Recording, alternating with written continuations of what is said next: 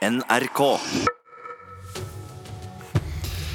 Og så er det Kulturnytt, og Kulturnytt har sendt sin reporter eh, ut eh, i skauen, så å si. Ikke for å stjele hester, Anne?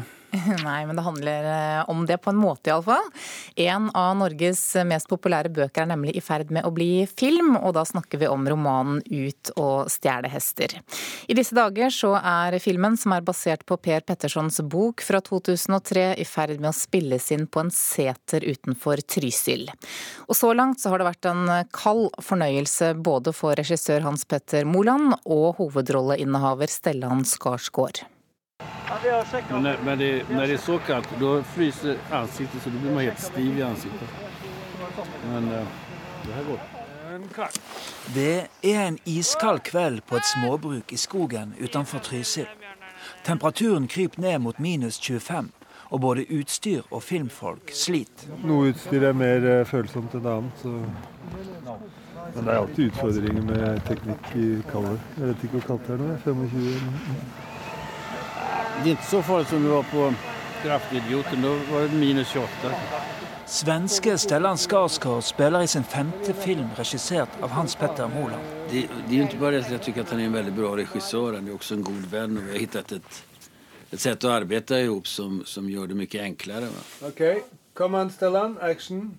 Sammen har de vært ute ei vinternatt før. Stellan, action. Det, det är mycket vi inte behöver prata om, vilket är skönt. Och sen så vet vi också att vi kan säga precis vad vi vill till varandra och vara helt ärliga. Vi behöver inte, behöver inte tassa på tå och vara försiktiga och rädda att såra varandra. Va? Så det, det kan vara en ganska direkt och brutal dialog ibland. Hvis du, hvis du er det første Nå er det altså Per Petterson sin roman 'Ut og stjele hester' som skal overføres til filmduken.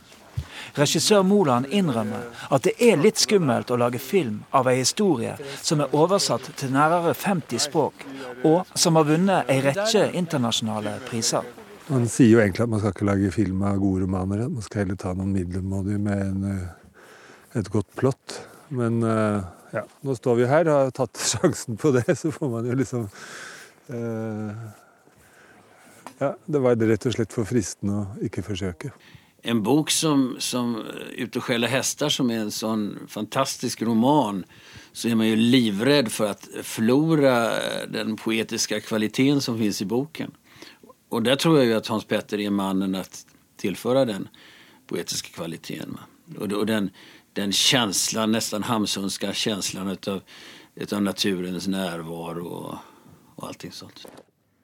Filmen har et foreløpig budsjett på 40 millioner kroner, og etter planen så har filmen premiere i mars neste år. Reporter her det var Arne Sørenes. Reporter Tone Staude, du satte deg i bilen i dag morges, kjørte til skrivestua til forfatter Per Petterson. Hvordan ser det ut der en tidlig tirsdagsmorgen i mars? Ja, jeg hørte Stellan Skarsgård her snakke om eh, naturens eh, nærvære, og det er det jo absolutt her også i denne skrivestua som ligger i blant snøtunge graner eh, langt inne i skogen. Det er eh, bøker fra gulv til tak. Eh, Forfatteren har en pult med flere pensler stående opp fra et glass, og kanskje han maler litt òg, hva vet jeg. Og så, ja, det er så utrolig koselig. Kakkelovn, kaffe. Og jeg sitter her med Per Petterson, da. God morgen. Du, du må fortelle meg, du var jo med på dette filmsettet. Hvordan opplevde du det i sprengkulda? Ja, det var sprengkulda. Det var nesten punkt én. da. Det var innmari kaldt. Men jeg syns det, eh, det var veldig spennende. Um, Jeg veit at det tar lang tid å lage en film, og at det kreves mange folk og utstyr. Men jeg skjønte ikke at det var så mye. De jobber og de monterer og holder på en halvtime for å ta et opptak på maks tre minutter. Og så er det på'n igjen og på'n igjen. Og det, jeg skjønner ikke at de orka i den kulda. Men det var veldig spennende. Og alle passa veldig godt på meg. Var veldig rause. Jeg fikk sånne varme poser jeg kunne ha nedi støvla. Og, nei, men det var flott å, å se de, de få scenene jeg fikk sett sånn på ordentlig. De var, eh, det var veldig moro å se forskjellen mellom det du ser i ruta og det som er rundt. Og tenke på at sånn er det alltid når du ser på film. Da jeg spurte om du hadde hatt noe med dette manuset å gjøre, så sa du å nei, aldri. Hvorfor det? Nei, for det første så Altså, jeg er jo forfatter av litterære bøker, og eh, det er noe helt annet enn et filmmanus. Fordi eh, det de tar inn i ett bilde, bruker jeg tre sider på å beskrive. Eh, Så det manuset ville jeg aldri klart. Jeg ville ikke klart å redusere min egen bok til et manus. Men Hans Petter Moland har jo da lagd flere utkast og har et veldig fint et nå, sier de. Og da stoler jeg på det. Men jeg har fått det, men jeg har ikke lest det. Fordi Kanskje jeg hadde begynt å kicke eller noe sånt med en gang, og det har jeg ikke lyst til. Og sannsynligvis er det jeg tenker feil. Ikke sant? Så Hans Petter har, eh, har nok eh, vært veldig, veldig dyktig her. Da, så. så jeg stoler på han, jeg, faktisk. Ja, og disse rollevalgene, Stellan Skarsgård og Bjørn Floberg, hva syns du om det? Som Lars og naboen? Nei, det er jo helt knall. Altså, jeg har jo sett dem uh, i aksjon, og det er, eh, de er, de, Jeg ikke ønska meg noen bedre, egentlig. Eh,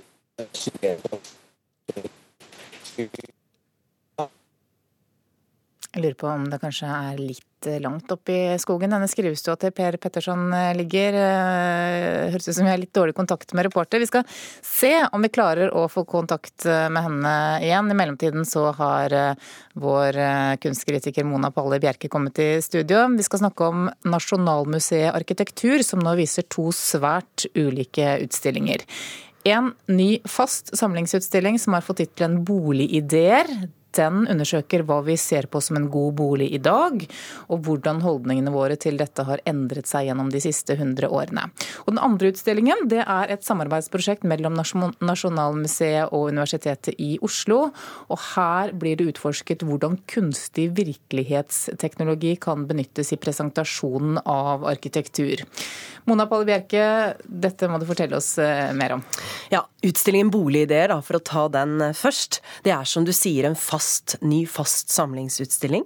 Og det, Den presenterer da boligbygging i Norge, eh, med kanskje hovedfokus på Oslo, i de siste 100 årene. Og Der er det både fokus på hagebyer og drabantbyer, men også enkeltstående boliger.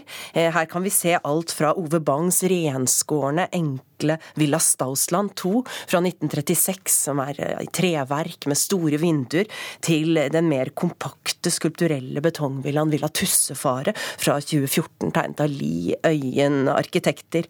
Og så får vi se en tidslinje, hvor vi da kan se med tekst og små bilder og sånn, fra eh, 1900 og frem til eh, 2018.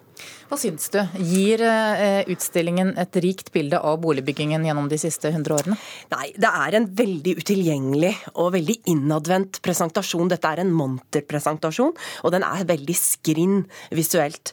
Eh, Det er selvfølgelig en krevende oppgave å presentere arkitektur, det skal vi nevne.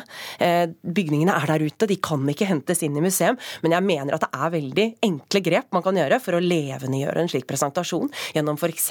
storformatfotografi, man kan bruke filmelementer, man kan bruke større modeller, for de bruker i og for seg modeller, og man kan bruke, eh, også, man kan bruke også eh, noen av de, disse virtual reality-teknologielementene som vi da ser i det andre prosjektet som vises i museet, som blir veldig interessant eh, da i kontrast til denne litt støvete monterpresentasjonen, kan vi si. For Da snakker vi altså om teknologi som er knyttet til eh, kunstig virkelighet. Ja, det er det vi gjør. Og i dette prosjektet som heter Skogen i huset, er det, som er et samarbeidsprosjekt mellom Universitetet i Oslo og arkitektkontoret Atelier Nord, og som egentlig Nasjonalmuseet da bare huser. Eh, Dette er et eh, prosjekt der man som besøkende går inn én og én, så man må vente litt i kø.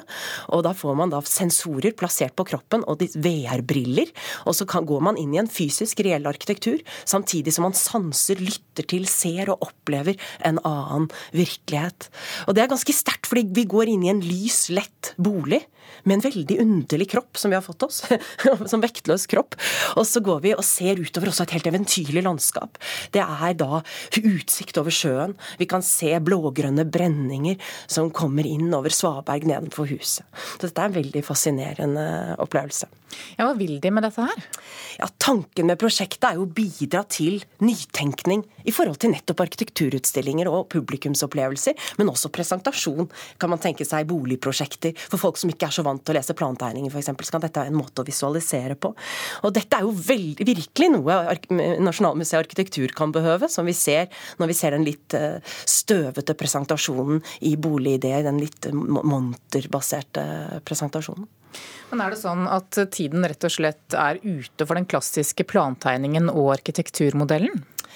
Jeg håper jo ikke det. Eh, jeg håper jo at det ikke er slik at vi må få alle våre opplevelser mediert gjennom skjerm, men at vi fremdeles kan forvente at museumsbesøkende har evne og vilje til å fordype seg, kunne lese en tekst, studere en tegning. Men jeg tenker jo det må være en, man må kunne finne en middelvei her, hvor man både kan ha deler av utstillingen med tekst, med tegning, med små modeller, med ting som krever en viss fordypning, men også kanskje noen mer levendegjørende elementer, som film eller nett nettopp sånn type VR-teknologi som kan komme som et supplement, og som kan nå bredere ut. da. Mm. Kort til slutt, eh, Hvis du skal oppsummere opplevelsen i Arkitekturmuseet, er det verdt et besøk? Ja, Det er jo det. Jeg opplever denne spenningen mellom disse to utstillingene som veldig fruktbar. Det er selvfølgelig ikke tilsiktet, all den tid det ene prosjektet så tydelig aksentuerer svakhetene ved det andre. Men det var likevel en morsom opplevelse. Takk skal du ha, kunstkritiker her i NRK, Mona Palle Bjerke. Vi skal tilbake til eh, skrivestua til Per eh, Petterson. Vår reporter Tone Staude er på plass. Det handler altså om romanen Ut og stjele hester, som nå skal bli film. Og Tone, vi mistet kontakten med deg for eh, noen minutter siden. Jeg regner med at linja er oppe og går igjen eh, nå? Ja, jeg eh, sitter Vi hørte her om skogen i huset. Jeg sitter i Ser ut som det er vanskelig å få Kontakt med vår reporter Tone Staude, som altså er hjemme hos Per Petterson. Vi skal se om vi kan gjøre et uh, nytt forsøk igjen om uh, noen uh, minutter. Aller først så skal vi til Bergen. Det nasjonale kompaniet for samtidsdans, Carte Blanche, har lenge manglet fast tak over hodet i Bergen, men nå er mange års venting trolig over. Under en ekstraordinær generalforsamling i går sa nemlig de tre eierne at de er innstilt på å lage et nytt scenekunsthus for dansekompaniet. Og styreleder Laila Dovøy er lettet. Vi er veldig glad for at eh, vi har hatt denne generalforsamlingen. Vi har vært veldig bekymret og hadde behov òg for å nå kunne gå tilbake til de ansatte og si at nå blir dette bra fremover. For situasjonen for det nasjonale kompaniet for samtidsdans, Carte Blanche, har vært alt annet enn god i Bergen. I snart ti år har de hatt behov for en permanent scene. Håpet har vært det gamle badet i byen, å gjøre det om til et scenekunsthus for Carte Blanche og BIT Teatergarasjen. Det må til, mener styreleder i Carte Blanche, Leila Dovøy. Det er helt avgjørende hvis vi skal fortsatt være en by, en kulturby, med et høyt eh, kunstnerisk nivå når det gjelder scenekunst, og ikke minst dans.